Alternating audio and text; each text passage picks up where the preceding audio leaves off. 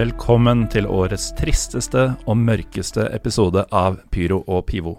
En tredjedel av eliteserieklubbene holder pusten før siste serierunde, og hele Norge spør seg hvem blir med Lillestrøm ned til førstedivisjon? For å spå fremtiden har vi med oss Eurosports beste menn, Jonas Berg Johnsen og Petter Bø Tosterud. Velkommen, gutter. Takk skal du ha. takk skal du ha. Eh, kan vi begynne med deg, Petter, siden du var her tidsnok. Um, du har jo fulgt eh, serien svært tett i år. Eh, Du gjør jo alltid det, men du virker å ha fått en enda større rolle enn tidligere i, eh, i kanalen. Eh, hvordan har sesongen vært for deg? Sesongen har vært eh, fin, den. Vært, eh, vært morsom egentlig fra start til, eh, til mål, som jeg egentlig alltid syns det er med norsk fotball. Men det blir jo noe helt spesielt da, med den avslutningen vi får, eh, får nå. Vi skulle gjerne hatt uh, hva skal jeg si, vi skulle gjerne hatt gullkamp da, helt inn. Mm. Uh, med tanke på at vi har Molde-Bodø-Glimt i siste serierunde. Uh, hadde jo et håp om det, selv om, selv om det var ikke det vi så for oss før sesongen startet. Men slik um, sesongen utviklet seg, så, så sitter man liksom med litt, lite håp om at det skal være en avgjørende kamp i toppen også til slutt. Mm. Men bunnstriden det blir jo kanskje noe av det mer sykere vi har sett noen gang. Om vi kan få en sånn Obos-avslutning à la 20 Var det 16? 17? Da Ja. Fredrikstad og alt det kaoset der. Mm. 15? 16? Jeg husker ikke. Det er jo drømmen. Men nå fikk jeg push-varsel fra Eurosport.no-appen. Eh, Trygve Kjensli legger opp. Ok. Det blir hans siste sesong. Da hadde jeg hans siste kamp i går. For jeg var involvert i Obos eh, kvalik, og Trygve Kjensli var, på fjerde, var, på, var fjerdedommer. Tror du ikke han skal dømme i helga? Og han var Ok, kanskje, ja det kan hende. At Ja. han har sånn testimonial uh, taberkamp til helgen. Sender, sender Lillestrøm ned på søndag. Ja, det klarer Lillestrøm fint uh, sjøl. de rykka egentlig ned mot Stabæk for et par uker siden, har jeg uh, bestemt. Ok, Men um, det var spikeren i siste. mm. For øvrig sterkt med push-varsel på Trygve Kjensli.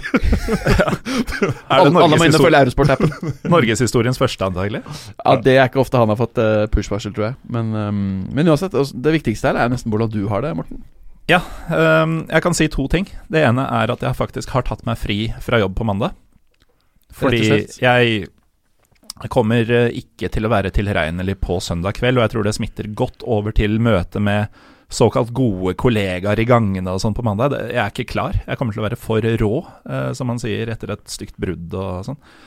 Eh, og jeg har også skaffa vikar for neste ukes eh, Pyro og Pivo. Så det blir første episoden av Pyro og Pivo jeg ikke skal lede selv. Og det er 100% basert på det faktum at Lillestrøm rykker ned. Ja. Det er korrekt. Men uh, Petter virka som uh, Du virka som du hadde kost deg litt med sesongen. Er det gøy når man er nøytral, Jonas? Ja, det For det er er ikke noe gøy å ikke være det. Um, nå er det jo sånn at uh, i år har jo lokomotivene virkelig svikta, da. Uh, Mm. De tre lagene som mange uh, hadde på topp fire sammen med Molde, har jo svikta fullstendig, og er kanskje de tre lagene som er nærmest å Um, om ikke i praksis bytte trener, men kanskje um, mange supportere og forstå seg på det vil mene at de burde vært det. I Vålerenga, Brann og Rosenborg. Og det er jo noe som vi merker litt um, fordi interessen rundt de klubbene når den er så stor, uh, når, er, når ting går bedre, så er det et, eh, en drivkraft for oss. Og i Mm. år um, så har vi jo ikke hatt det. I fjor hadde vi over en halv million seere på Brann Rosenborg på slutten av sesongen. Og det er sånne drømmeoppgjør eh, om gullet som tross alt uh, har vært savna i år, da. Fordi den samme engasjementet eh, land og strand rundt klarer ikke nødvendigvis Molde, Glimt og Odd å, dra. Med, med all respekt. Det har vært vanvittig kult å se alle de tre lagene spille i år, og jeg er veldig imponert. Men det har kanskje vært det som har mangla, da. Mm. Og så har det jo blitt sånn at jeg vet ikke om det er fordi klubbene ikke har penger til det, men de sparker jo mange færre trenere nå enn før. Mm. Da har vi hatt en gjennomgang på, hos oss at uh, det sitter faktisk lenger inne. Og uh, før så kunne du få en seks-sju mann på huet og ræva ut. Ove Røsle fikk vel sparken etter femteplass, eller? To fjerdeplasser. To fjerdeplasser, ja. og, og en tapt cupfinale. Ja, og nå innkaller man altså til styremøte eh, fem-seks dager før siste serierunde, når man har ti kamper uten tap og holder på å rykke ned. Mm. Hadde dette vært Røslers tid, så hadde man kanskje gjort det for sju-åtte kamper siden. Mm. Ja. Eh, jo, eh, man gjør det jo ikke etter tre tap heller, men eller Nei, men, seg, altså, men, men for, eh, resultatet langt Ja. under forventningene, da. Definitivt. Selv om Røsler selvfølgelig hadde større um, forventninger og Mm. brukte mer penger og sånn, vil jeg tro, enn det enn Lennartson har fått mulighet til. Men eh, det at Glimt og Odd og sånn ikke engasjerer folket generelt på samme måte, det, det sier seg jo litt selv. Men det, altså Glimt har jo spilt fantastisk fotball, men virker jo ikke helt å ha klart å engasjere sitt eget publikum engang. Hva, hva er greia der? Det er litt vanskelig å gi et sånn ordentlig godt svar på. For uh, som nøytral, hvis man skal si liksom det laget har spilt den morsomste fotballen, og sånn, så syns jeg det er ganske lett å si Bodø-Glimt. Mm. Uh, selvfølgelig Molde spiller jo også flott fotball, men det er liksom Det er noe sånn wow over Bodø-Glimt med disse unge gutta. Tre av spillerne er nominert til Årets unge spiller. Håkon Hevjen uh, har vært helt outstanding. Og så er det jo det at hele opplegget kommer litt ut av det blå. Det var jo ingen Ja. som trodde at Glimt skulle feie over folk med festfotball eh, Feie over folk, faktisk. med festfotball denne sesongen. De var jo tippa langt, langt ned på tabellen av de fleste. Ja, så Det tar kanskje litt tid da, å vekke folk. Uh, og så har det vel vært noen episoder hvor man um, med supportermiljøet der, hvor uh, klubben kanskje har tråkka litt i salaten i en del uh, tilfeller, som har gjort at det har blitt litt sånn Ikke blitt, den hjertelige stemningen da, som det bør være uh, rundt akkurat de forholdene der. Men um, hvorfor liksom den vanlige mannen og kvinnen i gata i Bodø ikke har liksom kommet seg på kamp. Nå har vi sett en del initiativ eh, den siste tiden hvor Runa Berg har stått på kjøpesenteret og delt ut billetter til folk som har måttet skrive ned på en lapp om at 'ja, jeg kommer på kamp', liksom. når, jeg, når jeg får denne. Ja, en slags kontrakt, da. Så um, det, er selvfølgelig skuffende, men samtidig så må vi jo huske på de som faktisk er der, da. eh, og bidrar til å lage en flott stemning på kampene der. eh, kampene deres. Så, og det er jo ruskevær og alt mulig rart og sånn. Ja, men det det biter ikke det på kan man- nordlendinger. Men det kan man ikke bruke som en faktor, selvfølgelig. Så, så der har du en jobb å gjøre.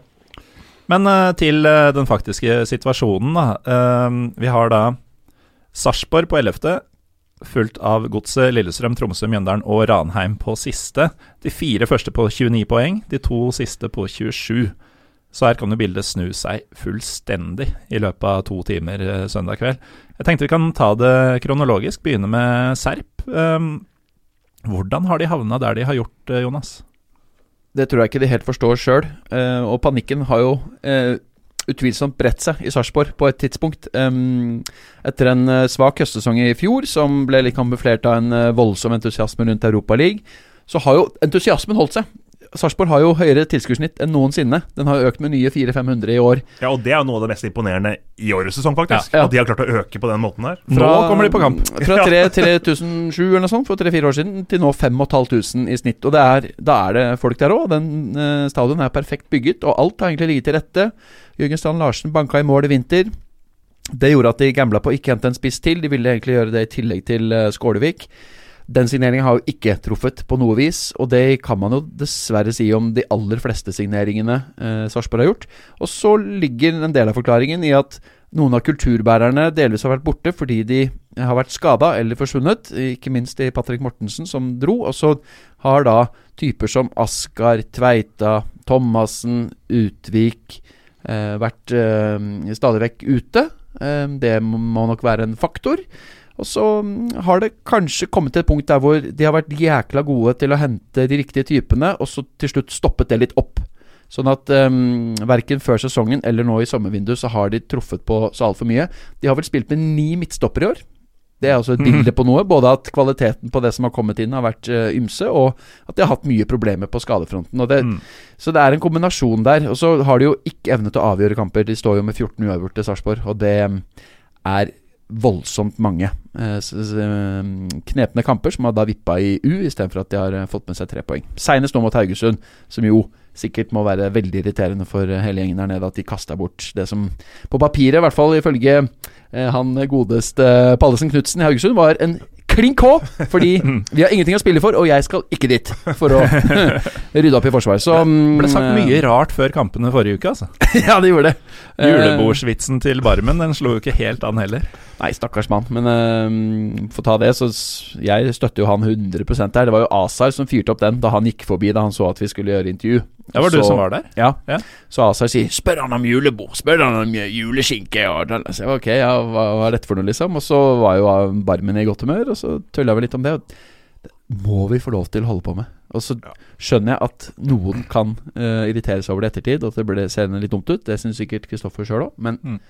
det må vi kunne le av litt, da. Ja. Men jeg, jeg tror egentlig ikke at folk ble irritert i ettertid. Jeg tror de ble irritert der, fordi eh, det var en så viktig kamp for så mange andre lag enn Brann. Eh, og så framsto det jo på en måte som om de hadde vært på fylla. Da hadde han akkurat sagt det, og folk rundt omkring var litt usikre på om det var kødd eller ikke. Ja. Ja, men det kan du ikke være usikker på. Det, du beklager om du blir krenka av det, så, så, så må du ta det litt rolig. Fordi at det er, altså, Fotballspillerne i, Nor i Norge de er profesjonelle.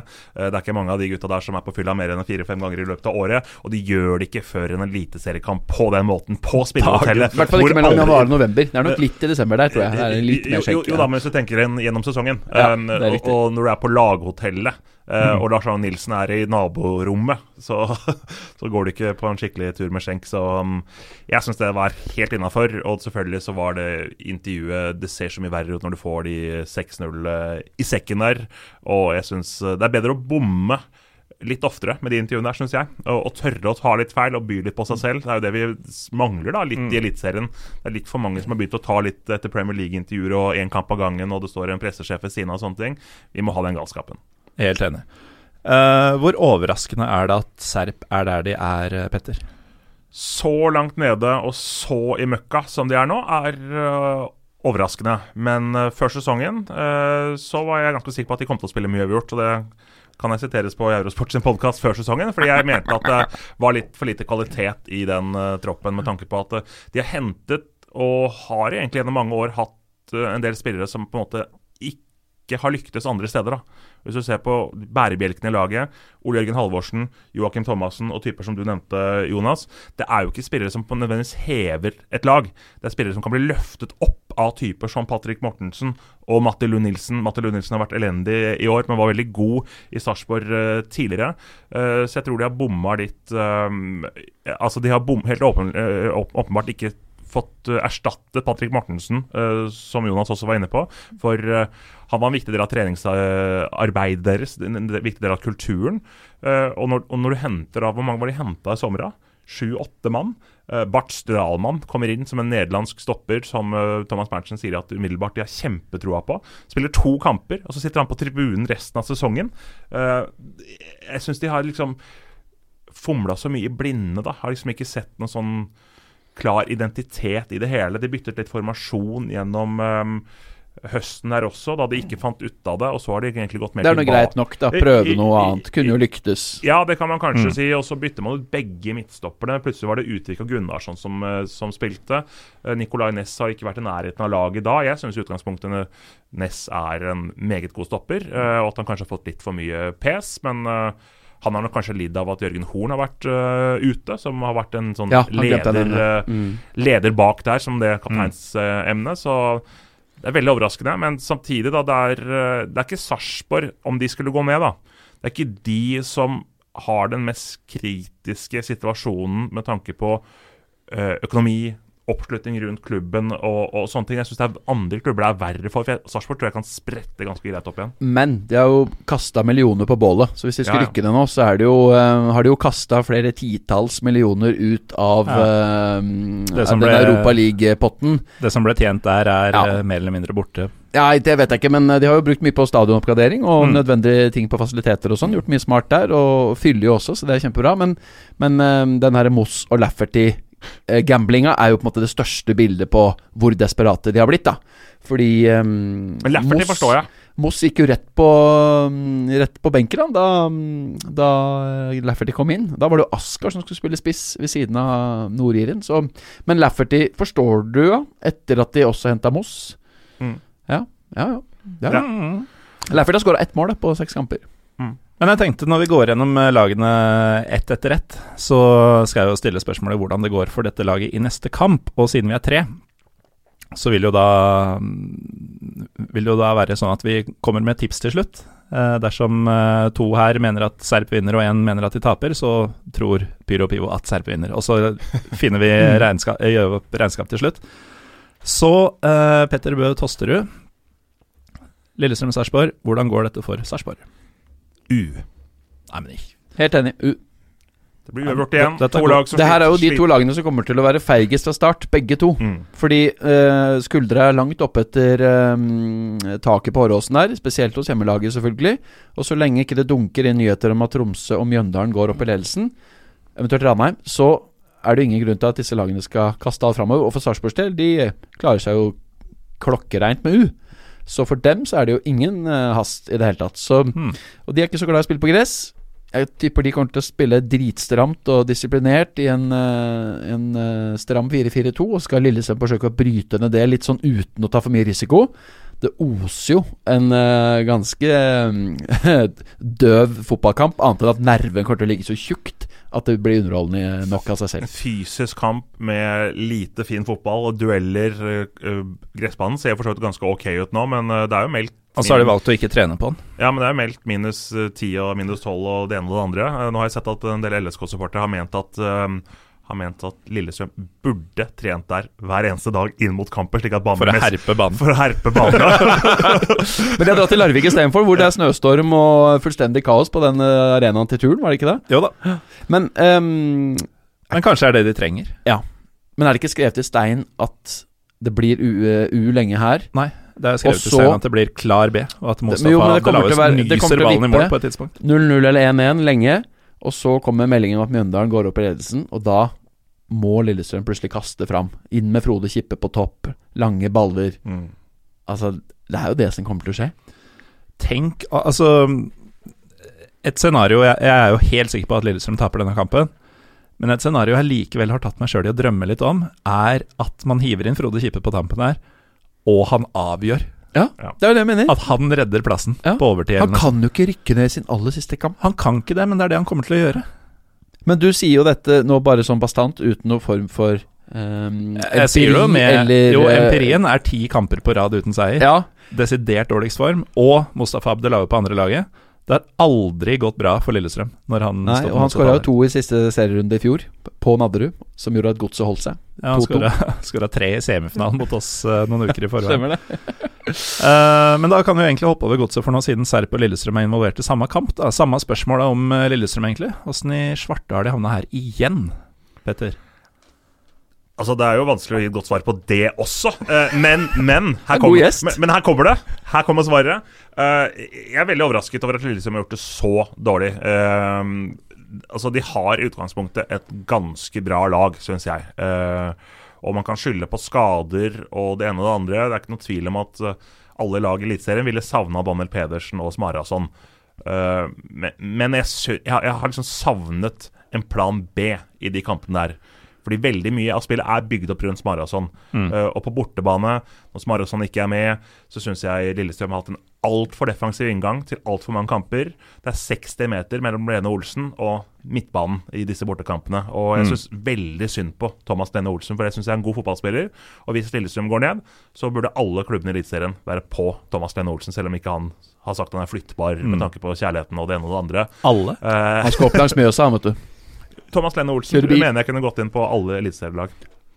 Eh, Ikke nødvendigvis bankers på topp tre-lagene, men det er en såpass god spiller, norsk spiller, som skårer mål. uh, som eh, hadde skåret uh, vesentlig flere mål for et annet lag enn Lillestrøm. Får en veldig ensom og isolert jobb på topp der. Mm. Men uh, Det har vært en god del grafikk laget av folk i Lillestrøm-miljøet, med ordspillet Thomas Alene Ja, ja. Olsen. Eh, hvor han står der ute i ødemarka mens resten av laget driver og triller Er- på egen Er ikke engang Ødemarksbakken i nærheten? Nei, Nei, og han har også hatt en eh, fryktelig sesong. En spiller Pent. som man, eh, man hadde kanskje litt forventninger til på Mm. Åråsen denne sesongen. her At man skulle ta litt steg. Så litt spennende ut i vinter også. Og så husker man jo eh, på en måte da han ble klar for Lillestrøm den siste høsten, altså Ullkisa og sånne ting. At man, altså, det er et par av de som man hadde forventet at skulle ta litt flere steg. Erik Brenden, da? Når skal han gjøre det samme? Ja, han forsvinner jo ut, uh, ut portene. De Eh, prøvde jo å bli kvitt han i sommer, men han nekta å dra. Mm. Skulle til Sogndal. Men det er litt samme historien, føler jeg. Mm. Det ligger jo masse uforløst der. Ja, men jeg, syns, jeg, syns det, jeg syns det går litt på Jørgen Lennartson, uh, dette her, da. Uh, jeg syns ikke at han har klart å klekke ut så veldig mange gode ideer som har fungert når Smarason ikke har vært involvert i kampene. Uh, og så er det jo spillere som har stått fram i perioder. Krokstad hadde en fin periode i sommer. Og så kom Mm. Matthew tilbake, da. Uh, og skulle blande seg inn. Og Matthew har egentlig vært ganske, vært ganske god i flere kamper, syns jeg. Borte mot uh, Viking, annet. Da var han to klasser over alle på Lillestrøm-laget.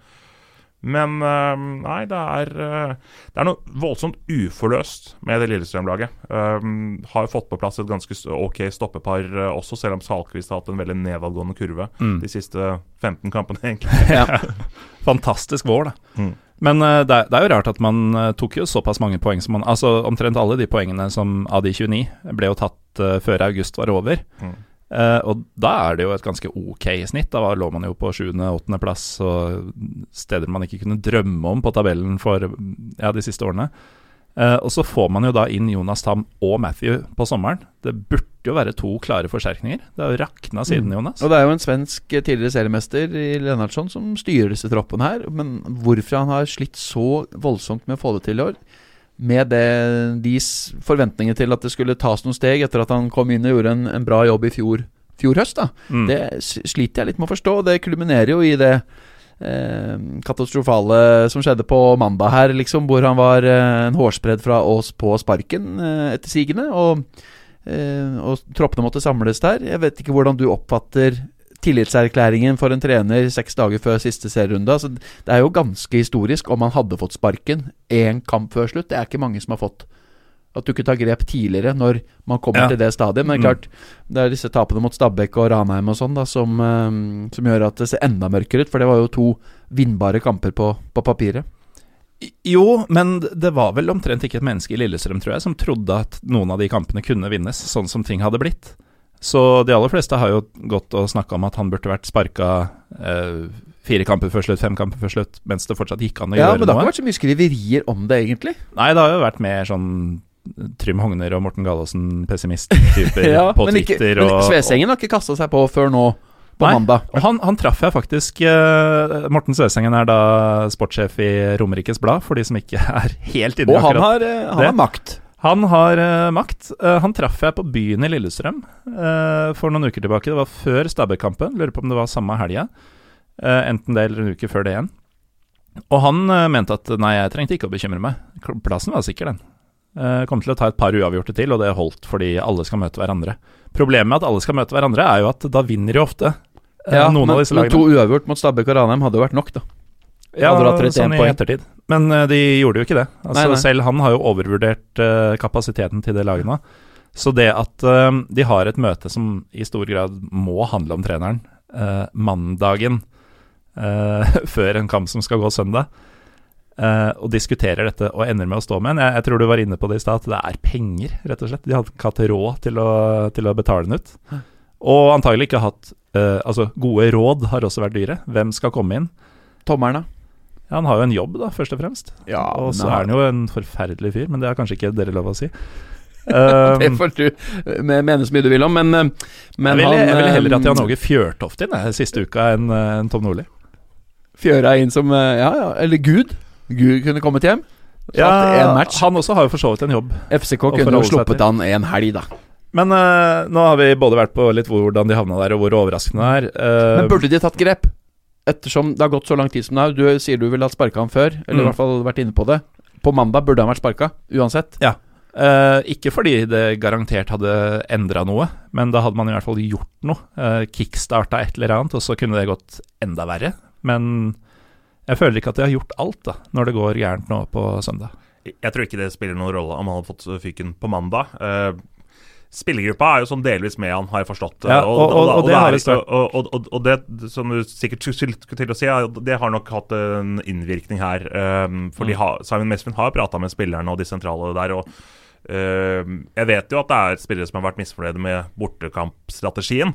Uh, men, uh, men den siste uka her nå, så, så tror jeg at de er mer tjent med å stå sammen på den måten her. Uh, fornuftig for så vidt. og Stikke vekk fra Åråsen, samle seg på et hotell og drive med stein, saks, papir på hotellrommet til langt på natt og, og bare dyrke det sosiale.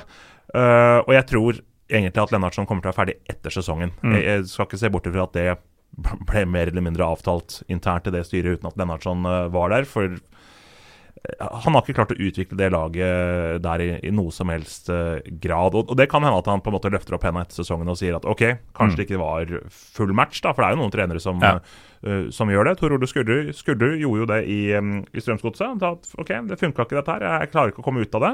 Og det syns jeg er på en måte noe man kan Tor Tor Ole Skurdu er en av de få trenere som faktisk gjør det, da. og sier 'dette får jeg ikke til', nå blir vi enige Mm. om at dette ryker. Og så får han ikke full sånn sparkenkompensasjon, får kanskje lite grann, men i Vålerenga òg, da han sa fra seg den, så gikk masse penger dukken fordi han ikke orka å stå i noe han ikke fikk til lenger. Mm. Og det står det respekt av. Det er veldig få trenere som evner å gjøre det samme. Så får vi Mm. se hva som skjer nå med Lennartson uh, søndag kveld. Jeg gleder meg til å Jeg skal på kampen. Jeg gleder meg til å spørre han etter matchen, uansett hvordan det går. Hvordan den framtida hans uh, ser ut. Hvis, uh, hvis scenario hvor Frode Kippe redder plassen mot slutten av kampen, så kommer du til å se en naken Morten Gallesen på banen. Har vi en deal? Eh, ja, altså det, det, det er bare sånn naturkraft. Ja. Det, det kommer til å skje dersom, dersom, det, dersom det utrolige skulle inntreffe. da. Du er en meget røslig kar, Morten Galaasen. Jeg gleder meg til å se hvordan utstyret ditt er i ti blinus uh, på, på Åråsen utpå søndagskvelden Jeg, jeg tror ikke temperaturen vil ha noe å si sånn sett. Du, du ville ikke sett stort. Uh, Den vil slenge som det tredje bein uansett. Mm. Ja. Men Kan vi eh, ta noe annet enn utstyret til Gallosen? nå? Bare, bare si en ting til om det laget til Lillestrøm, for vi snakker mye om sentrallinje og sånne ting. Hvis du ser på de spillerne de har på sidene, da, enten det er bekkene eller om det er kantene, hvem er det som er de skapende kraftene der? Hvem er det som er driblerne til Lillestrøm? I gamle dager syns jeg Lillestrøm alltid hadde en dribleving. Det enten var Mm. Pål Strand eller Fofana eller eh, Ja, man har hatt forventninger til Ødemarksbakken, men det har vært veldig mye som har vært overlatt til de som har vært sentralt i banen. Ja. Og så har man brukt øh, Krokstad på kant, man har brukt til og med Sheriff Sinnan har vel spilt kant en eller annen gang. Og Helt sikkert. Så, så, så, så kantene og sånn, det Mm. er jo liksom sånn Det er ikke noe trussel. Ja, De har ikke slått gjennom, da. Men Nei, det er jo og Gustafsson- Raffen, Kim. Michaelsen, eh, Håkenstad Det er jo ikke Li, like Gustafsson typer. har jo vært kjempeskuffende. Ja, men de, de Mm. fleste er like typer, bortsett fra Gustafsson, som har ganske mye fart. Og så hadde man et håp med Ødemarksbakke, men han er ikke Nei, nok. Gustavsson var jo en uh, like for like-erstatter til Erlend Knutson, ment. Mm. Uh, lynkjapp fyr, primært høyrekant historisk, men kan også spille spiss. Gikk ikke. Uh, han har hatt sine perioder, men over en hel sesong har han jo vært Jo, men. Han har jo vært bedre sentralt enn på kant, da. Ikke sant? Og Ødemarksbakken har jo vært en katastrofe. Bekkene er eh, jevnt over dårlige. Uh, spiller ingen rolle egentlig om det er Raffen eller Håkenstad på høyre. Spiller liten rolle om det er Kinn Michaelsen eller Josef Bakai uh, på venstre. Det er liksom Bakai har ikke fått min tillit i høst. Han har ikke det. Han hadde en eh, Ja, nei, nok om det. Det er ikke, en, eh, det er ikke harde mottak, dette her, og vi, vi må videre. Men eh, dere tror altså begge på U, og det betyr at min stemme, som selvfølgelig går til borteseier Jeg tar altså dissens. Mm. Uh, det blir 30 poeng på Serp og Lillestrøm ifølge panelet, og henholdsvis minus 10 og minus 15 i målforskjell. Og da Så er spørsmålet om det holder. Uh, ja. For det betyr ikke Altså, du kan rykke det med uhørt, vet du. ja, det er jeg fullt klar over. Mm, så vi har jo ikke slått fra oss det helt. Nei, så sånn sett så kan vi fortsatt være om bord. Men jeg tror det skal mye til for at Sarpsborg vinner, ass. Mm. Jeg ser liksom ikke for meg det. Men, men. Nei, men eh, eh, oddsen på U har for øvrig sunket fra 3,45 til under 2,80. Bare tenk når dette kommer ut, da. da, da synker det i hvert fall. Godt under 2 i odds. ja. Ja. Uh, vi hoppa over godset fordi Serp og Lillestrøm møter hverandre, men uh, samme om dem, da. Um, fjoråret et stort varsko, egentlig. Og så tror man jo at eh, de tar det på alvor og ordner ting, og så har det nesten bare blitt enda verre. Mm. Hvordan, eh, hvordan har dette skjedd, Jonas? Jeg tror eh, den første feilen, og største kanskje, var at de valgte å gå opp for BP. Eh, en klubbmann de luxe, en, eh, en strålende type, en god man-to-man eh, farsfigur å ha i eh, gangene på Marienlyst. Men han har vel kanskje bevist det et par ganger nå i den settingen at han ikke mm, evner å få ut det beste av seg sjøl eller av, av laget. Um, husker vi ble litt småskremt i vinter, da godset ble feid over et par ganger, og de skulle øve på en 4-4-2 diamant for å få det beste ut av Markus P. og Moss. Virker jo som et uh, manns, uh, en mannsalder siden, egentlig. Fordi Markus forsvant jo ut på vårparten der uh, med både skader og ymse, og, og Moss er jo heller ikke der lenger. Og med tanke på hva som foregår der nå med Henrik Pedersen eh, og alle de nye, så er det jo egentlig to forskjellige verdener. Men det startet der, som forsterket en trend de allerede var dypt inne i. I en klubbkultur som eh, vel er skrudd sammen slik at de ikke har hatt eh, mentaliteten som skal til i forlengelsen av gullet, og at de ble en skikkelig etablert topplag. Selv om de hadde typene i Ulland Andersen, Basil Radi, Tokmak, gode fotballspillere eh, som ikke fikk det til. Eh, fordi at kanskje ikke garderobekulturen var helt der den burde være. Og så har nivået på spillerne rett og slett sunket gradvis. Og da de entret denne sesongen, så var det sånn, ja, de hadde 13 midtbanespillere, men ingen visste om noen av dem var bedre enn terningkast 3 minus. Mm. Og da er liksom mye, eh, mye gjort, da. Um, og så har de truffet på Henrik Pedersen. Må kunne si det, Petter, selv om vi var veldig spente på hvordan det der kom til å bli da han feide inn dørene som en virvelvind i, i sommer.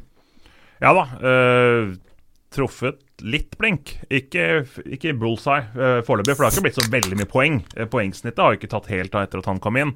Men de har fått renskap i den garderoben da, med en del frisk blod. Etter vel sju mann i sommer. Og alle inn i elver. Det er jo forskjell fra Sarpsborg. Ja, og lønnsbudsjettet har gått ned til Sarpsborg. Nei, ikke til Sarpsborg, men til, eh, til Godset etter at dette her har skjedd. Fordi eh, de snakkes om at det er omtrent Obos-lønn på et par av disse nye gutta. Spesielt uh, disse afrikanske importene, som de har hatt veldig stor troa på på sikt. Som kan bli uh, gode salgsobjekter. Samtidig som at det er et par av de som har variert veldig. Duplex Shamba, Prosper Mendia har svingt veldig. Ja. Det samme har Ipalibo Jack uh, gjort. Og så har Moses Mava og Mikkel Maigård vist seg å være kjempegode signeringer for Og Salvesen. Ja, også Salvesen, selvfølgelig. Uh, for, uh, for godset. Så uh, Men at lønnsbudsjettet har gått ned, er jo ganske oppsiktsvekkende. Men det ja, sier jo litt kanskje om hva Markus P og Moss hadde til sammen der, da. Definitivt. definitivt Men jeg, jeg, deler på en måte Jonas sin konklusjon, dette med BP. det er stygt å på en måte kan ikke legge alt på han. Jeg sa spillerstallen var jo også blitt på han, Men jeg var, jeg var, eh, ekstremt skeptisk til at jeg skulle gå inn, han, eh, gå inn i en ny sesong med han som, eh, som, sjef, med tanke på hvordan kulturen har vært, og at ikke han er mannen som kunne røske opp i det. Mm. Så han satt rett og slett i stolen for lenge, etter mitt, etter mitt syn. Og det har gjort at man liksom aldri har kommet seg ordentlig opp på hesten. og det kan hende at det er for seint for, for Strømsgodset. Uh, og da er det også en del av de enkeltspillerne som har svikta litt denne sesongen. Ja, Jakob Glesnes var i en landslagstropp fordi at han uh, ikke er så langt unna hotellet her i, i, i Nydalen, holdt jeg på å si, når landslaget var der. Uh, men også han Han var med uh, pga. geografi, er det det du sier? det, er ikke langt, det er ikke så langt unna, faktisk. Um, uh, og de, altså de har savna de typene som har stått fram, og de som har vært der også, da. Og midtbanen og sånn. Hvem er det som altså, Johan Hove spilte en del fra start av sesongen. Martin Drønning Ovenstad, hvorfor fikk han ny kontrakt i Godset? Hva var det for noe? Henning Hauger er der fremdeles, han har ingen sett på en god stund. Stengel har blitt bedre under Pedersen, da. Stengel har blitt bedre, definitivt. Endelig. Martin Spelemann, som vi skulle hente inn mot årets sesong, som skulle liksom bli den supporteren, spilleren som uh, Godset-fans skulle bli så glad i. Han har ingen sett. Sylla, som kom inn der på starten av sesongen, som jeg var veldig begeistret for, men som plutselig hadde en gjeng som bestemte at uh, Han kom inn og lurte på hva i halv verden er det her, og dro videre? ja, og, og, og, dro videre, så, så, det har vært mye rart uh, i, i Drammen. Tror ikke han var så lett å ha med å gjøre, han Sylla. nei, nei, han var visst ikke det. Men, men har Sylla skylda? Nei. Nei, nei. nei. Absolutt ikke. Men uh, han var jo ganske markant i en del av de kampene han spilte. Og så uh, gikk det ordentlig på ratata utafor. Så da dro han uh, tidlig. Og det, der fikk de jo på en måte luka vekk det problemet, da. Um, I så måte. Men i godset så Fy fader, jeg har vært der nå tre ganger i forbindelse med det, da, denne kampen i forkant og på den U21-matchen til Norge som spilles der. Fy fader, for noen skuldre, liksom. De har bare gått rundt og trippa og venta og venta, venta, venta, venta på den søndagen som var. Så får de den makeløse uh, utblåsninger mot Brann. Mm. Så nå handler det jo om å være nedpå. Og Henrik Pedersen hadde jo skjelt dem ut i pausen for ikke å presse godt nok. Og mente at 4-0 var Ja, vi har slitt med effektiviteten før, men nå satt den endelig. Så jeg tror han kommer til å være ganske god på å holde dem på jorda. Problemet har jo vært at borte har de jo tidvis blitt feid veggimellom godset. Men, men, de har ikke klart å gjenskape den energien og presset og trøkket i, i bortekampene som de har hatt eh, på Marienlyst. Men, men Godset har blitt morsomme, da, under Henrik Pedersen. Altså veldig morsomme. Altså, det tror jeg er gøy for Godset-fansen å gå på, på, gå på, hjemmekamp igjen. Selv om de ikke har vunnet alt, liksom, så er liksom den der den Marienlyst-magien er litt tilbake. Godsunionen har ordentlig våkna til de siste kampene. og liksom Spillerne løper bort og, og gir energi til publikum og vice versa. Så, så, så, så, det har i hvert fall vært med å løfte ut hele klubben. Han setter en del krav også til de som er i klubblokalene. Jeg har hørt noen historier hvor han har gått og banka i bordet til daglig leder og sagt hvorfor er garderoben rotete? Hvordan skal jeg kunne prestere når det ikke er noen som rydder rundt meg, liksom? Mm. Og, og, det tror jeg en del i godsmiljøet rett og slett har trengt. At en har kommet og tuppa dem litt i, leg i leggen. Det tror jeg ja. ikke BP gjorde på samme måte. Er en som sier ifra? Mm. Uh, Jonas, du var litt inne på Du snakka om uh, at du ser uh, ja, høye skuldre og tripping og sånn. Dere som er i, på indre bane før matchene og sånn. Hvor stor forskjell kjenner dere på klubb til klubb, sånn når dere besøker den ene og den andre eh, før kamp? Nesten- merker dere situasjonen Det er dere nesten er nesten mer personavhengig, syns jeg, mm. enn enn en, en, en klubbavhengig. Uh, altså Det har vært helt bemerkelsesverdig, selv om type som Eirik Horneland har sett ut som han har sovet 40 minutter siste måneden, Mm. så har han med det dratte, bleike, hardhuda fjeset sitt klart å stå der rakrygga og parere ethvert spørsmål gjennom hele sesongen, mens du andre ganger har kjent på at eh, en trener ikke har hatt Altså Det siste i hele verden han har lyst til å gjøre nå, er å komme bort og gjøre det intervjuet før kamp mellom deg og en ekspert. Mm. Det har jeg opplevd noen ganger. Henrik Pedersen er jo ikke sånn. Han er veldig framoverlent. Eh, han merker du egentlig ikke på. Det er mer alle rundt og de som eh, har vært lenger i godset. Uh, Magne Jordan Nilsen, han pressesjefen blant da, som jo er lidenskapelig supporter, han har jo bare trippa rundt der. Men eh, det å ha arbeidsoppgaver er vel egentlig det viktigste. Å, å, å ha noe å bedrive tida si med, så du, så du evner å å få sove og faktisk fylle dagene med, med innhold. Da. Men, i, men sånn som i Drammen, så var det bare at supporterne, de som går rundt der, eh, alle som eh, eh, er i de lokalene rundt omkring, for der er det jo litt sånn ymse på, på Marienlyst, du kjenner det bare sånn, de spør. Mm. Kan ikke gå dette. Det går ikke dette. Det kan ikke gå. Det går ikke. Og så vil de ha en slags bekreftelse av at du skal hjelpe dem med sånn Jo, det er muligheter. Og, og det er jo ikke alltid at man uh, kan dele den optimis... Eller forsøke å hjelpe dem med optimisme, da. Men, men akkurat mot eh, Brann så eh, hadde jeg egentlig trua på at Godset skulle vinne. Eh, ikke pga. julebord, men eh, rett og slett at de Mm.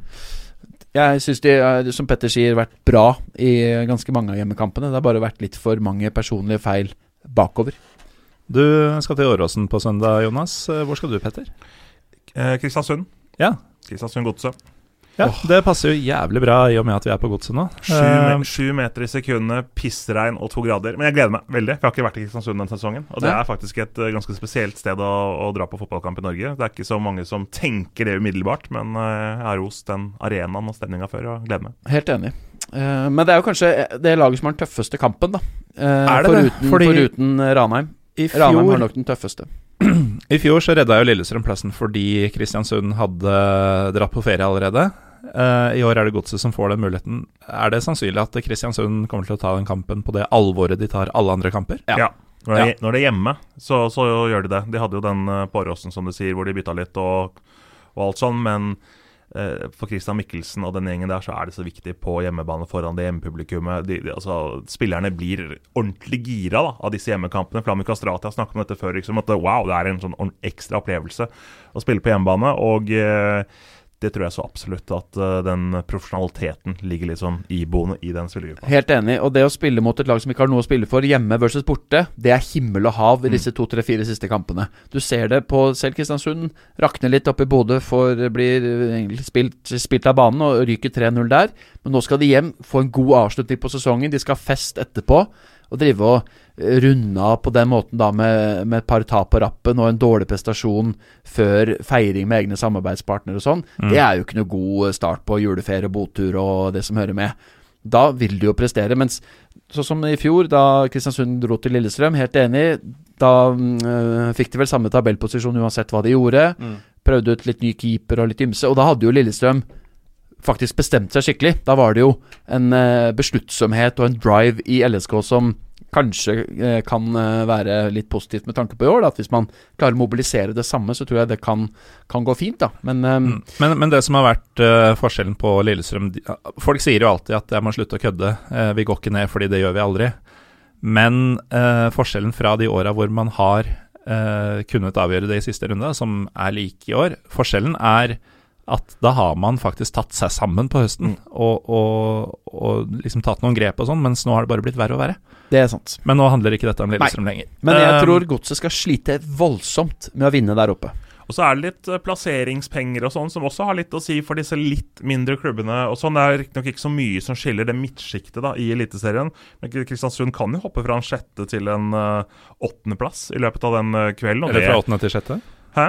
Ja, ja, de kan falle nedover. Falle nedover, Ja. Falle Mm. nedover med, med tap, og lagene bak dem eh, vinner og, og sånne ting. Og hadde jeg vært en klubbleder i eh, Kristiansund, så hadde jeg gått inn i den garderoben og sagt at dere får x antall tusen ekstra til eh, deres botur om dere fikser den kampen her. For, for, for det er viktig. Kristiansund har hatt resultatforbedring på tabellen 15 år på rad. Det klarer de ikke å, å, å følge opp um, i år. Nei, men de Men- kan fortsatt holde seg tett på. Men de kan bli nummer seks. Mm.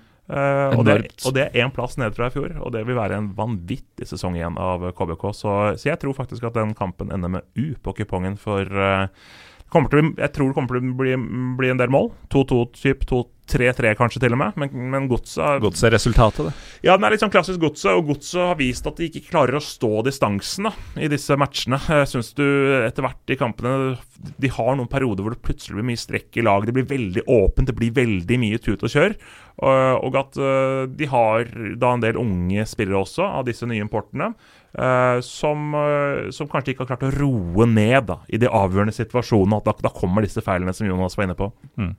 Over 2,5 eller over 3,5 tror jeg er bra spill i eh, Hvis jeg skal inn på sånn odds. Du er på oddsene. Jeg er glad i odds, og, men nå er oddsen steget til over 3 på Kristiansund. Men, Så så, det er så skyhøyt, det. Så er det litt synd at uh, Pellegrino ikke spiller. Ja. Det hadde vært gøy å se han der mot, uh, mot Godset, mot Henrik Pedersen. Han En, er eh, nyoperert. en, tre, en trener som i utgangspunktet da bestemte seg veldig tidlig for at han der vil ikke jeg satse på. Mm. Uh, og måten han har slått tilbake mot Henrik Pedersen med det spillet sitt i KBK ah, Det hadde vært deilig å se. Tenk den tripperen der, da.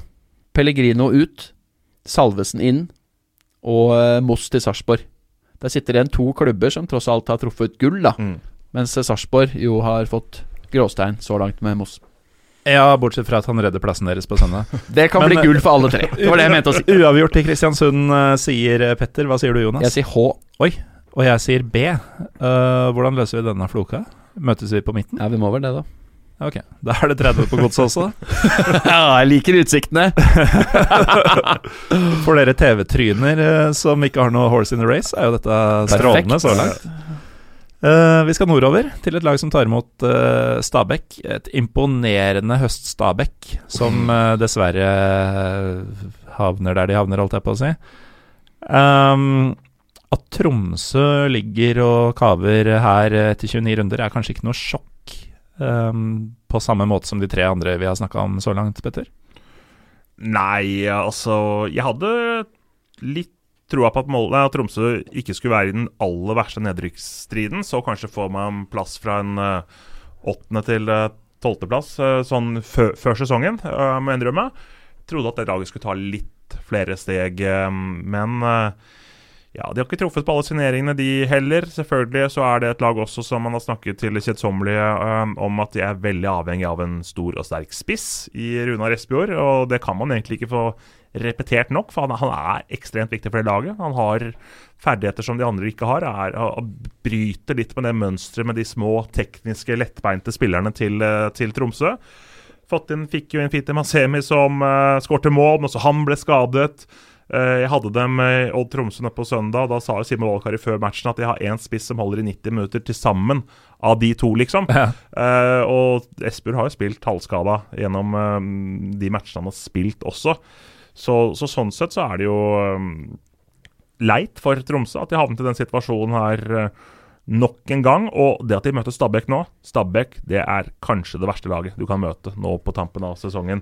Selv om du kan si at Eh, De avslutter sesongen borte, som Jonas sier. Eh, Det er nok ikke 1000 Stabæk-supportere som tar den turen der uh, i snøværet. På I rettferdighetens navn hadde det ikke vært det, selv om det var uh, Nei, 23 pluss men, men, så, så, så motivasjonen er kanskje ikke den aller største, men Stabæk har jo vært har liksom, Det virker jo som at Stabæk starta sesongen for ti kamper siden. da Når Mm. du ser på den entusiasmen i spillet deres, hvor du ser på Janne Jønsson som er motivert. Og Han skulle gjerne ha fortsatt sesongen.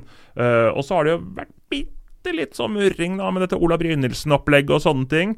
Kanskje de tar med seg litt negativitet som kan bli forsterka for, for, eh, til positiv for fordel for Tromsø, men eh, Hva er dette Ola Brynildsen-opplegget? Kontrakt ut sommeren. Vil ikke forlenge, eller de har ikke kommet til enighet. Han øhm, har gjort det Og det har gjort at Inge André Olsen og Stabæk har sagt greit, da skal du i mindre grad brukes, selv om Janne gjerne vil ha han i elveren. Mm. Kort fortalt. Så da Får vi se, da. Det viste seg ikke som et kjempeproblem nå mot Mjøndalen. Selv om Mjøndalen var ganske bra i første omgang og kunne skåra. Da var de litt mer gavmilde og porøse bakover Stabæk. Litt mer sånn Hawaii. Mm. Og det lover jo litt bra for Tromsø, vil jeg si. Fordi fram til og med da så har det nesten vært umulig å skape noe særlig på Stabæk. De har vært Mm. utrolig gjerrige, da. Eh, selv om ett mål på sju kamper vel var i overkant av eh, hva man kan eh, håpe på, så, så var det et tidspunkt før det måtte sprekke opp litt. Men jeg ser for meg en ganske åpen kamp der òg. Stabæk kaster litt fram, gir litt F, blir en artig Altså Det er jo over Ja. to og en halv som gjelder egentlig alle Ja, matcher her. Første mål der blir jo veldig, veldig viktig. Uh, Ja. Men, men eh, Tromsø var egentlig ganske gode, de, mot, uh, mot Odd i den kampen de tapte 2-1. Uh, Sondre Rossbakk spilte jo en fantastisk kamp. Altså, Runar Espejord hadde jo tre-fire enorme sjanser uh, som han eh, i hvert fall burde skåret ett eller to på. Eh, så, så Tromsø fikk nok med seg en sånn OK følelse fra den matchen her. Nå er Kent, Kent Are Antonsen ute med karantene for Tromsøs del til den matchen her. Det er et eh, stort tap, men Anders Jensen kommer tilbake. Så sånn Ja, sett så kan, det, så kan det kompenseres på et vis, men, ehm, men eh, jeg tror faktisk at eh, Tromsø klarer det. De har erfaringen fra disse nedrykksmatchene tidligere, og jeg tror de vinner 2-1. Ja. Um, Typisk HB. Første laget vinner. Første lag som scorer, vinner. Tror jeg. ja, det kan godt hende. er Tromsø det av disse fem lagene, uh, eller seks hvis vi tar med Lillestrøm, da, uh, som folk mener at fortsatt har noe å spille for, eh, det laget som kan skylde mest på uflaks, hvis det skulle gå gærent? Nei. Med alle skadene Nei, og altså, sånn? de, de kampene de har spilt, så enten vinner de 5-0 eller så taper de 4-0. liksom så, så Tromsø spiller jo veldig lite uavgjort. Det er sånn Du kan se ganske tidlig om Tromsø har dagen eller ikke. Uh, og, det gjør, og det gjør det jo til et ganske sånn sjarmerende og kult lag, syns jeg. da I og med at de, de skiller seg ut fra uh, de andre lagene på en så spesiell måte. Eh, jeg har prat, har prata med andre spillere i Eliteserien som sier at ah, det er et kult lag å spille mot. ass. Du vet Mhm. aldri hva du får, og, og, og de spiller langs bakken uansett. Og selv om laget de møter eh, står kjempehøyt i banen, så for fotballens del så må man jo si at man beundrer det. Men, uh, Men etter to og et halvt år, at ikke Simo Vallakar har klart å heve bunnivået mer enn han har gjort, det syns jeg er litt bekymringsfullt. Det handler selvfølgelig om økonomi til en viss grad, for det, det de henter, er jo litt sånn ja, de har, de har fingeren i været og forsøke seg med ekstremt begrensa midler. bomma mye på spillelogistikk. Slobodan Vuk, denne spissen som kosta vel en million. eh, disse sengaleserne de hadde, som Rojas eh, før denne var helt sjanseløs. Uh, gode Vuk tror jeg betyr ulv på Ja. hans Han skulle jo erstatte Kobraen. ja. Jo, men det rett og slett. Altså, Ja. Ferdig snakka, han heter Ulv til etternavn. Artyom Sokol betyr falk, i hvert fall fornavnet, tror jeg. Og han kom jo også fra Russland eh, i år til, eh, til uh, Tromsø. og Han var noe suksess også. Uh, De har måttet spille en del med spillere som ikke nødvendigvis har slått til òg. Ja, og så Bakenga har jo spilt veldig mye i Tromsø også, som man vel har sett en stund at det ikke har fungert uh, perfekt der også. Og Pirinen de hadde en periode i sommer hvor de spilte altså med August Mikkelsen, uh, som knapt er konfirmert. Uh, Markus eh, Pedersen, altså ikke Holmgren Pedersen. Holmgren Pedersen, ja. Og, han siste som jeg ikke husker navnet på, på. Så det har vært en del unggutter som har blitt kasta inn på Han, litt Han Grønli. Ja, Sigurd Grønli. Ja, så det de, de, Jeg syns ikke de skal skylde på noe som helst, jeg. Men eh, det er jo litt sånn high risk, high reward-type fotball. Og med de midlene han har, så klarer ikke Valekari å nødvendigvis trylle ut bra fotball av dem hver eneste gang. Og det er kanskje ikke så rart. Og, og neste år fyller klubben 100 år. Uh, hvis Tromsø går ned, da er det en klubb som er i kjempekrise. Dårlig økonomi, sliter veldig med en del uh, ting rundt klubben. Oppslutningen Oppslutningen, engasjementet har dalt. Det er lite folk på kampene til Tromsø, dessverre. Så, så, så Tromsø er nok de som er- er en av de uh, seks klubbene her som situasjonen vil bli verst for med et nedrykk. Det tror jeg òg. I Mm. tillegg til Lillestrøm. Ja, for Lillestrøm er det aller verst for. Det Det tror jeg. tror jeg vi er enige om. Nei, jeg, tror- jeg tror det er verre for Tromsø. Men øh, kommer Tromsø til å tilbringe øh, 2020 i første divisjon, øh, Nei, jeg Petter? tror jo, som sagt, at de klarer å vinne den kampen. Uh, og det ansvaret hviler jo veldig mye på skuldrene til både Asemi og uh, Espejord. Mm. Uavgjort holder jo sannsynligvis fort ikke for Tromsø, hvis det går litt sånn som vi mener Hvis Mjøndalen og, eh, vinner, og uavgjort på Sarpsborg Lillestrøm, så holder det jo ikke for Tromsø med uavgjort. Fordi 30 poeng vil da være Mm. krise med tanke på målforskjell. De slipper Du- jo alltid inn mål, da. Sluppet inn 57 mål denne sesongen. Ja, Det, To i snitt. det er fem mer enn de to lagene som ligger bak dem på tabellen. Ja. Um, men du tror altså at um, Tromsø tar Stabæk. Ehm, Jonas, klarer Valakari å trylle frem noe nå? Jeg er litt usikker. Det som taler for det, er at Stabæk slapp litt opp mot Mm. Mjøndalen, og fort kunne faktisk ryke der.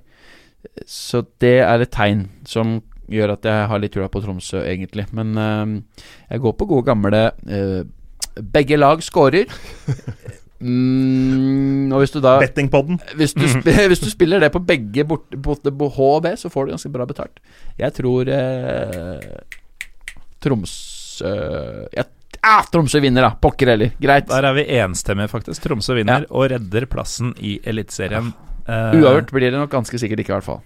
Så det gjør at ikke alle kommer på 30 poeng. Det er viktig for deg. Ja. Selv om jeg har lyst på at det har vært gøy med alle på 30, da. Alle seks på 30, faktisk. Det, det kunne vært mulig, hadde det ikke vært for at eh, både Sarpsborg og Tromsø vinner. Um, så var det Mjøndalen, da. Og nå var det en av dere som uh, spoila litt. Det var vel deg, Jonas, som sa at du tror eh, Mjøndalen slår Vålerenga. Ja. ja, ja. Det skal vel mye til for at de ikke gjør det. Mjøndalen har rundens enkleste kamp, du. Ja, Stemmer det, Petter? ja og det, det har vel blitt en sånn no, noe som alle har sagt da siste uka. Uh, så det er sånn typisk da hvis det ikke skjer. Ja, kan det være fella for De har vunnet, de har vunnet fem kamper i år, da. Skal ikke Ja, ja, altså- underslå det. Altså, de kan klare seg med seks seire. Det er ganske lite. Husker jo Vålerenga sist i en sånn ubetydelig serieavslutning som du, du faktisk var på plass på, Jonas. Mot Sogndal. Sogndal eh, for, for to år siden. Da vant Sogndal 5-2 i siste kampen. Til og med Tayo Teniste fikk sitt første Sogndal-mål i den eh, matchen der. Eh, nå var jo ikke Vålerenga sånn helt eh, bak mål i den kampen mot, mot Molde. det har vært helt bak mål siden 6-0 over Glimt. Jevnt og trutt. Ja, Men nei, jeg, jeg tror også at Mjøndalen klarer å mobilisere til den kampen her. Og apropos være vant til å spille viktige kamper på, på høsten. Altså Alle sesongene omtrent Vegard Hansen har ledet Mjøndalen siden 2006, er det vel. Så har den siste og nest siste serierunden for Mjøndalen vært avgjørende for om de skal rykke opp, ta en kvalikplass eller rykke ned. Så dette er normalen for, eh, for Mjøndalen. Og jeg syns også at i den spillergruppa der, at de har en sånn slags viss evne til å dra fram litt sånn galskap i, eh, i en del eh, øyeblikk, spesielt på dødball og sånn, med Sondre Solholm Johansen, Gauseth også, hvordan han kan eh, få med seg den spillergruppa. Så, så, så selv om Mjøndalen i utgangspunktet ikke er noe fantastisk fotballag, så har de et eller annet sånn indre drivkraft som jeg tror kan løfte dem. Og så Det er noe jeg at brunt over dem. seier holder til minst kvalik. Fordi målforskjellen deres er bedre Mm. enn da eh, Lillestrøm, hvis det blir uavgjort der. Eventuelt Eh, om det ja. blir en taper i kampen på Åråsen, eller at Tromsø taper. Som gjør at uh, det er veldig digg for dem. De vet at idet vi scorer, så åpner vi fullstendig opp. Da blir det galskap overalt ellers. Da blir presset på alle de alle eh, arenaene mye større. Mm. Men det er altså de- så Det er så tight at uh, hvis det skulle bli uavgjort både i Mjøndalen og på Åråsen Nei, Mjøndalen må vinne. Nei, sorry, hvis uh, Mjøndalen vinner og det blir uavgjort på Åråsen, så er det altså ikke målforskjellen, men antall scora mål som flytter Mjøndalen over eh, Lillestrøm. Ja, Hvis ikke Mjøndalen da vinner med flere mål, da vil det jo For Ja. hvert mål de skårer, så vil det jo veien Jo, sant. lenger. Nei, det blir målforskjellene. Ja. Eh, jeg som eh, har, Mm. er på min andre pils her nå. Jo da, men det, Ja.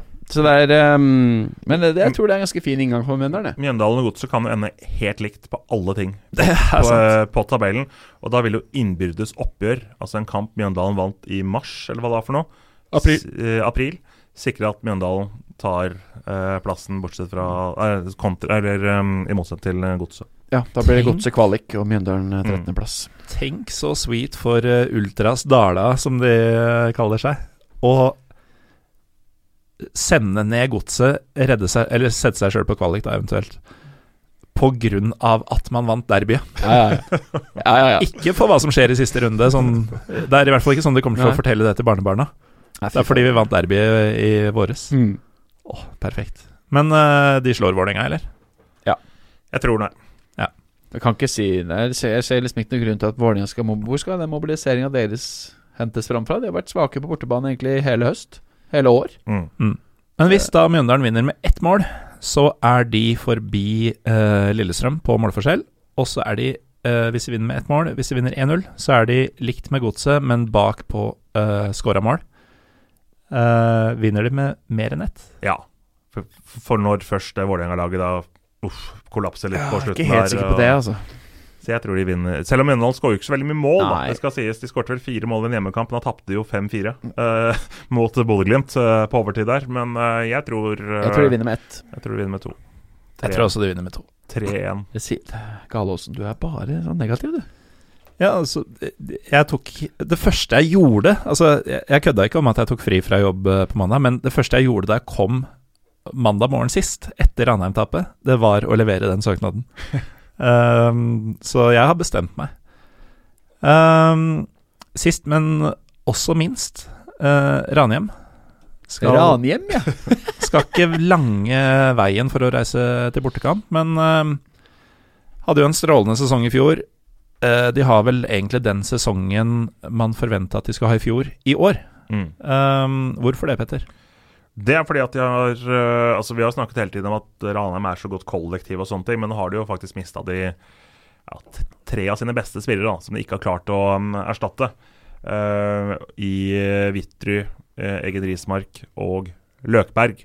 Og det har ganske mye å si i eh, treningshverdagen, og ikke minst Mm. eh, kvalitet. Og de ønsker jo i utgangspunktet å hente kun trøndere, eh, og da er det ikke så lett å, å, å, ringe Stjørdalsblink eller Nardo og, og få spillere som er av samme kvalitet. Ja, det var Eh, lettere når man var middelhavsvarer i første divisjon. Da, da var det lettere å hente en stjernespiller hos Stjørdal eller Ja, det kan, det kan, man, Eller kan- kan man kanskje si. det. Og um, det er litt sånn klassisk andre sesongen, da. Uh, vi har sett dette her på Mm. mange lag, og jeg syns ikke det har vært noe katastrofesesong på noe som helst måte for, uh, for Ranheim. Det mangler litt kvalitet, litt på over hele fjøla, egentlig. Det er ikke mange på det. Hvis du ser på den elveren til, eh, til Ranheim, så er det ikke mange der som kommer til å være veldig aktuelle for andre eliteserieklubber når Ranheim går ned. Eh, det er kanskje Eller Mats Reginussen syns jeg er en veldig god, god fotballspiller. Han er nok ganske sånn stuck der i Trøndelag med jobb og alt sånn, og, og sin alder. Og så har de keeperen Even Barli som er god, men har hatt noen uh, glipptak denne sesongen, som vi husker bl.a. borte mot uh, Bodø-Glimt. Uh, så, so, so det går rett og slett på kvalitet, og jeg syns fremdeles at Svein Målen, for å ta hans posisjon, er en uh, veldig god fotballtrener. mm. Ja da, men hvor lenge kan du hente spillere fra tredje hylle i Trøndelag og være et eliteserielag? For når de beste trønderne er utenlands, og så har du noen få igjen i Rosenborg og andre klubber, og så er det da Ranheim til slutt. Men bare det og, og, og de det har går, altså. Bare det at de har vært her oppe, ikke bare ett, men to år, det er jo langt over Uh, Altså, de har overgått seg selv. Absolutt. Ba, bare, egentlig bare ved å være et sånn delvis topplag i førstedivisjon, som de var i flere år. Ja, De ble nummer seks da de rykket opp Ja. gjennom kvaliken. da så, så det var jo ikke noe sånn uh, given at det skulle bli noe suksess første året på noe som helst eh, måte. Men de fikk jo en veldig sånn der, go og flyt i starten av sesongen i fjor. da Det, det, det gjorde jo det at det var det de fløyt på. For de hadde en nedadgående kurve på slutten av sesongen i fjor. Det er ikke noen tvil om. Uh, kan de vinne på Lerkendal? Ja, det kan de. Arne Vidar Moen, 2003. Ole Martin Ost svikta en hel by og en klubb og satt på fødestua. Tromsø vant på overtid på Lerkendal. Men begge de gangene så var Rosenborg for lengst seriemester og um, venta på å møte Real Ja, Madrid da. eller Chelsea eller noe sånt om et par dager. eh, det kan nok stemme. Nå må de mane ut tre poeng fordi Odd fort kan ryke i Haugesund, og da passerer de dem. Så Mm. Rosenborg må vinne. Og hvorfor betyr det så mye å For- passere Odd? Europa. Nettopp. Enkelt og greit. Og Rosenborg har faktisk, hvis du ser på høsten, fra og med egentlig 19. mai, da det snudde bitte litt, selv om det var en dårlig prestasjon, de vant 3-2 over Mjøndalen. Siden det har de tre mål i snitt per hjemmekamp. Det er ganske bra. Og tenk den uka også for Rosenborg. Nå tapte de i går mot Lats Klins i Europaligaen. Uh, null poeng eh, der. Og um, det var den påstanden! Skal skal, i vi, skal vi avsløre at vi nå sitter uh, en, i god stund før avspark i den kampen, men, men du har helt rett, Lask slår Rosenborg. Uh, nei, men altså, den uka nå uh, For da, da får de altså en rekord på seg på at de har 15 kamper uten en seier i uh, Europaligaen. Uh, Trøkket rundt Hornland. det, det, det, fortsetter. Og eh, hvis de ikke skulle klare Europacup, som du sier, og sånt, så, oh, den, den, den, er, den er fæl, den kampen for Rosenborg. For at det, det blir så symbolsk da om de ikke skulle lykkes med å slå Ranheim. Da kan jeg ikke forstå annet enn at Hornland er ferdig. Men har Haugesund dratt på precamp til cupfinalen og ligger under 0-2-0-3 til pause mot Haugesund? Nei, mot Odd. Ja. Så vil jo eh, Odd ta med seg det poenget de trenger. Det betyr at Rosenborg tenker Oi, ja ja, og det er, de kanskje har slitt, det er bare 0-0 til pause. Jo lenger det er uavgjort, jo Ja. mer håp gir Ranheim. Men hvis med mindre Rosenborg tar en tidlig ledelse og gjerne Ja. eh, dobler litt Da kan det bli første gang, så eh, 3-4-0-1 uh, i den kampen. Mens hvis det holdes uavgjort, og Odd gjør det bra i Haugesund, så Det er det eneste lille halmstrået jeg vil gi Mm. til eh, Ranheim. Men eh, det er jo Når vi skal tippe dette her, så kan vi jo ikke ta de hensynene. Jeg tipper klin K med handikap. Ja, så for den uinnvidde så betyr det mangemålseier til Rosenborg. eh, eller i hvert fall mer enn ett. Ja. Uh, Petter? Jeg tror Ranheim tar ledelsen, men så holder det ikke igjen. Uavgjort. Oh, Oi, oi, oi. Det har vært uh, drømmen. Selvfølgelig. Spennende at de tar ledelsen. Jeg håper, jeg, jeg håper det skjer. Jeg håper jeg bommer. Jeg, jeg kunne finne på å si at jeg tror Ranheim vinner, men det, det blir faktisk useriøst. Så jeg, jeg blir med på uavgjorten. Eh, og det betyr jo at uh, vi har en fasit her. Ja. Og Ranheim ender sist i Eliteserien eh, 2019, er det nå. Og så tar de turen ned direkte sammen med, som nevnt innledningsvis, Lillestrøm Sportsklubb på målforskjell. Uh, Godset på kvalik på målforskjell. Og Mjøndalen, så frem til vinner med mer enn ett mål mot uh, Vålinga, klarer seg. Det samme gjør da Tromsø og Sarpsborg. Jeg tror jo på ettmålseier til Mjøndalen, da. Og det betyr jo at um, Godset er foran med en målrik uavgjort. Vet du hva, For meg betyr det ingenting hvem av de to som skal spille Nei. kvalik. Men poenget her er Jeg tror at så lenge Mjøndalen vinner, så er egentlig prinsippet så enkelt som at Godset må ha med seg noe. Altså må, Lillestrøm må jo da utligne det Godset gjør. Ja, Nei, altså, de må gjøre det bedre. Det, det jeg De må gjøre det bedre tiden- enn det Gods gjør. Det jeg hele tida har sagt, er at Lillestrøm må vinne den kampen. De, Ja. de skal ha så usannsynlig mye hjelp eh, ellers. Ja, Eh, ikke at det, jeg, jeg tror ikke på det kampbildet dere eh, kom med, at begge lag ligger og er forsiktige og venter på å høre hva som skjer ellers. Jeg tror ja, egentlig begge to kommer til å ønske å vinne den fra start, fordi det er det eneste sikre. Ja, ønska jo begge, men de har ikke ferdighetene. Nei, Så men, jeg tror det men kommer til å bli Men, mye men rart Men Sarpsborg rykker jo ikke ned uansett uh, scenario, så lenge de klarer å holde uavgjort. Så for dem er det ingen grunn til å Nei, det er greit kaste noe De, nei, men uh, hvis Lillestrøm er lure, så, så gønner de på. Fordi de har det i egne hender, uh, som uh, Holdt på å si ett av få, men ett av halvparten av disse lagene. Og har gjort akkurat det før. Um, så jeg blir utrolig skuffa hvis jeg Jeg blir jo skuffa uansett den kvelden, men øh, hvis de ikke prøver engang. Fordi øh, jeg er helt sikker på at uavgjort ikke holder for Lillestrøm. Og det bør de også være. Ja. Men eh, Ranheim og Lillestrøm rykker ned. Er det fortjent at det er de to? Det er fortjent for de lagene som rykker ned, ja. Fordi sånn er det etter 30 kamper? Ja. Petter? Ja, ja, altså, Det er jo fortjent når man ser på tabellen til, til slutt, men jeg kan ikke si sånn Ranheim og Lillestrøm fortjent nå altså, vi, Nei, nei, nei, vi, vi, må, vi, vi må jo se hvordan, uh, hvordan helgen blir, da selv om vi har vært ganske mye Snåsamann og Livi Mm. Bendriss gjennom hele episoden her nå. Så, så, så må vi jo se hva som skjer. For det kan jo bli kontroversielle situasjoner, da, selv om det er det gjennom hele sesongen. Så det er noe spesielt da hvis det skjer i siste match her. Og Så har du en ikke faktor som er eh, ikke nevnt så mye. Snø, kulde, Ja. utsatte kamper, vind, kuling. Altså det er meldt forferdelig vær Utsatte kamper kan jo ikke skje. Nei, altså opplegget er eh, De er jo nødt til å komme gjennom, men eh, det er jo sånn at forbundet har sagt at eh, vi kan holde igjen kamp, de andre kampene hvis det er en match som sliter med å avvikle Mm. og fra start til annen Ja, sånn, eksempel. Eh, hvor lang tid de er villige til å vente, vet vi ikke. Her er det masse X-faktorer.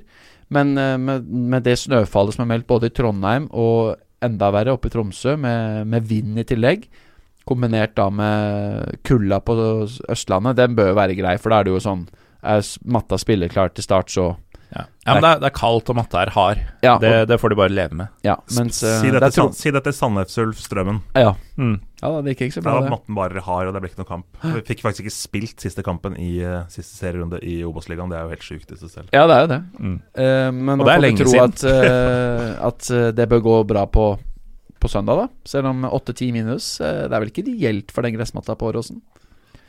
Nei, men eh, hadde supporterne fått vilja si, så hadde jo den matta vært uh, herpa uansett i forkant. Så Ja, det, ja, ja. Men eh, ja. det er jo kanskje ideelt for Lillestrøm, da. Jo mindre fotball som kan spilles. Eh, det er jo tross Ja. alt en Arne Erlandsen-tropp i stor grad. Så nå tror jeg ikke Jørgen Lennartsen er interessert i å spille den typen fotball, men, Men eh, burde, hadde det gått bedre med Arne Erlandsen som trener i kun den siste kampen? Ikke nødvendigvis, men hvis matta er uspillbar, så hadde det jo gjort det. Jeg mener jo det. Det, er, det viktigste er vel liksom dynamikken i klubb, garderobe. Ikke nødvendigvis, altså. Sarpsborg er jo også et ganske direktespillende, sånn hardtkjempende jobbelag. Det er ikke akkurat Jo. uh, Nei, det er sant. Ingenting så- kan redde Lillestrøm, er egentlig det vi prøver å si. Men uh, vi har jo da funnet ut at uh, Godset havner på kvalik.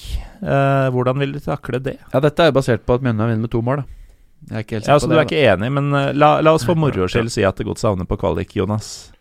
Og møter jo da mest sannsynlig Start. Kanskje Kristelig forening for unge menn Oslo. Jeg tror uansett det laget som begynner med 14 i Eliteserien, eh, tar laget fra Obos. Uansett. Ja, nærmest. Uansett hvilket Obos og hvilket eliteserielag det blir? Ja. Ok, så du sitter her i fullt alvor og sier at hvis det blir Lillestrøm Start, så vinner Lillestrøm? Ja, det er kanskje det scenarioet som er mest at Som er nærmest at jeg kan vippe det i Ja, det bør det være, altså. Fordi Lillestrøm er i så bedregredelig form. Mm. Fordi Lillestrøm kan havne på kvalik ved å tape mot Sarpsborg fordi Mjøndalen ikke vinner. Og da er det jo sånn at da er jo den rekka med kamper uten seier ikke Den er bare forlenget. Mm. Eh, så det er vel eh, kanskje det som er nærmest. For da har du to giganter som møtes, som begge er desperate etter å, å gå seirende ut av den duellen.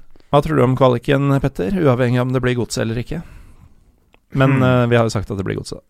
Jeg er nok litt mer på at det har, har litt å si hvilke lag eh, fra Eliteserien det blir, da. Uh, men uh, hvem som møter Koffa, det Det blir ikke Start? Nei ja.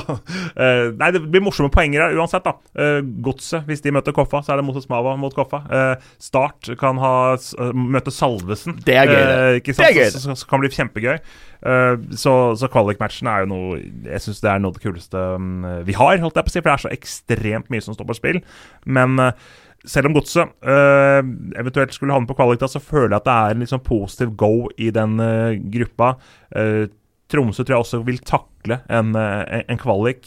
Ranheim det skal jo ganske mye til for at de får, får kvalik. Det tror jeg blir tøft for Ranheim. Da vil jeg si at Mjøndalen eh, har jo slått ut Brann i playoff før. Mm. Uh, ja, så, så, så jeg, jeg vil se hvilke lag som møtes, før jeg liksom kan si klink at eliteserielaget holder seg. Mm. Men de som mest sannsynlig ikke får det til, er Lillestrøm. da. Det er vi enige om. Jeg var helt sikker på at Sogndal skulle slå Ranheim òg, egentlig. Men tenk deg Lillestrøm da med hjemmekamp eventuelt i kvalik 11.12. på Åråsen med 20 cm snø og 15 minus. Ja, heldigvis så blir det jo ikke sånn. Men det, er helt, Um, det vitner om mangel på ambisjoner om uh, skulle uh, kortes ned. Så uh, det er viktig at vi bare holder, folkens. Det er uhyre viktig. Um, takk for at dere kasta lys i mørket, Jonas Berg Johnsen og Petter Bø Tosterud fra Eurosport. Jonas, eh, du er jo en mediekåt type. Er det mulig å se mer av deg på TV i nær framtid? Gjerne litt sånn finkledd Nå dro du inn en tease som jeg helt hadde glemt sjøl! jeg skal jo eh, rett fra nedrykksfest på Åråsen søndag kveld til Ses vi på Martins, forresten? Jeg spanderer en hel whiskyflaske. på, uh, på mandagskvelden her. Jeg skal tidlig på'n, dessverre, så det blir ikke noe helaften på meg på søndag for å feire på Martins uh, når dere har holdt eh, plassen, Martin. Men um, fotballfesten, prisutdeling med årets spillere, trenere, årets mål osv. fra Eliteserien, Obos og Toppserien. Årets gjennombrudd, årets uh, forbilde. I det hele tatt masse som skal kåres. Blir en gøy, gøy kveld med um, en sal stappfull av fotballfolk og halvannen time sending på maks fra klokka 21.00 mandag kveld. Det er en fin eh, ja, nesten avslutning på sesongen, for det er jo fortsatt tre kamper som gjenstår etter det. da To playoff og én cupfinale. Men eh, det var veldig gøy i fjor. Eh, fokus på ball, ikke så mye tull og tøys. Eh, forsøksvis, i hvert fall. Så får vi se hvordan eh, det går. Det er jo Har jo satt B-laget. Det er jo Anne og Karsten som leder studio til hverdags, og det er Susanne og jeg som har fått denne. Så Ja, Susanne Wergeland eh, og du eh, er jo for så vidt to jeg ser ofte på Åråsen, føler jeg. Ja, Det er mange turer dit mellom Prøver du å fordele skyld? Ja, eh, Susanne sa jo faktisk her at um, Lillesund gjør det alltid bra når jeg er der. Så hun var litt overraska over at Hun var helt sikker på at det var en garanti for eh, LSK at det ble seier i Ranheimsfjæra nå på sist søndag. Og Mm. det brøt jo, men nå er det jeg som Ja. får muligheten, da. Jeg eh, har aldri møtt henne sånn på ordentlig, men hun har bedt meg flytte meg. Eh, fordi de skulle filme på derbyet mot uh, Vålinga, eh, da man kommer opp fra den der undergangen rett før man kommer til Tom Lund-statuen. Så skulle de filme at eh, det såkalte Fulatoget med pyro og tromme og hele pakka skulle komme ut. Og da sto jeg og filma med min telefon. eh, og sto litt i veien da for kamera, for nå hadde de fått den gode vinkelen. og sånn. Jeg flytta meg høflig. Ja. Jeg er jo ikke Var hun pent, eller? Eh, Var ja. litt sånn eh, ganske- kjapp for at nå måtte det, ting måtte skje litt fort. Det var en sånn god mellomting. 70% pent, 30 her bestemmer jeg. Jo, jo. Men, Eh, eh, det er kanskje sånn du er, jeg vet ikke. det er jo den tyngden man må ha når man kommer her som rettighetshaver. Eh, Elsket av mange nær og fjern. Men, men skal du finne på noe sprell selv, da, under prisutdelingen? Kan du, kan du gi oss noe tis? Er det noe skal du, Skal vi få en sånn eh, et nakenløp à la Galåsen Ja. hvis Kippe over, uh, avgjør på overtid? Frode Kippe er jo, er jo meldt på denne prisutdelingen. Oi, oi. Ikke sikkert han møter opp. Nei, det er ikke det, skjønner du. Eh, vi får se. Jeg er litt spent på det. Det er flere av de gutta i nedrykksstriden som er litt usikre på deltakelsen sin. Mm. alt avgjøres nok på søndag kveld der. Men eh, nei, noe sånn stunt i fjor var jo Bjarne Berntsen i dinosaurkostyme som et uh, stikk mot Christian Gauseth. Kanskje kveldens høydepunkt for mange. Ja, det var veldig gøy. Eh, Dæven som han har eh, bevist at eh, det, det der kunne han fint gjøre. Bjarne er jo i tillegg da nominert som årets trener i Eliteserien også, så um, den eh, suksessen hans har jo bare fortsatt på bølgen av uh, skitpreiken fra Mjøndalen. Så um, Nei, får se om eh, Bjarne B dukker opp i år òg med noe, noe sprell. Jeg tror jeg skal være ganske sånn stille og rolig og forsøke å lede det så godt jeg kan. Ja, det Kjedelig, var kjedelig tis. Ja, det blir Jo, men vi, får se. Det, det var jo et kanskje nakenløp inni der, eh, hørte jeg. Inni, Hvis du inni- løper naken over Åråsen, så skal jeg absolutt vurdere det. Da, hvis du gjør det, så eh, øker det sjansen på at jeg gjør det. Du er så full av dritt, Jonas. du, Uansett, du skal jo det nå. takk for eh, Jo, jo, men uh, du kommer jo ikke til å være naken på den gallaen. Nei, jeg gjør faktisk ikke det. Nei. Det tør jeg ikke. Takk for at dere kom, og uh, lykke Lykke til. til.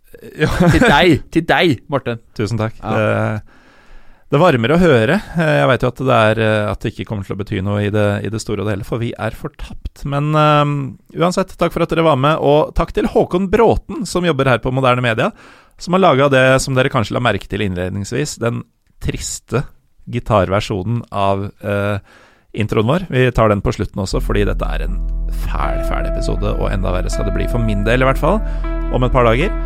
Eh, takk til dere som hører på, og følg gjerne Pyro Pivopod på Twitter og Instagram.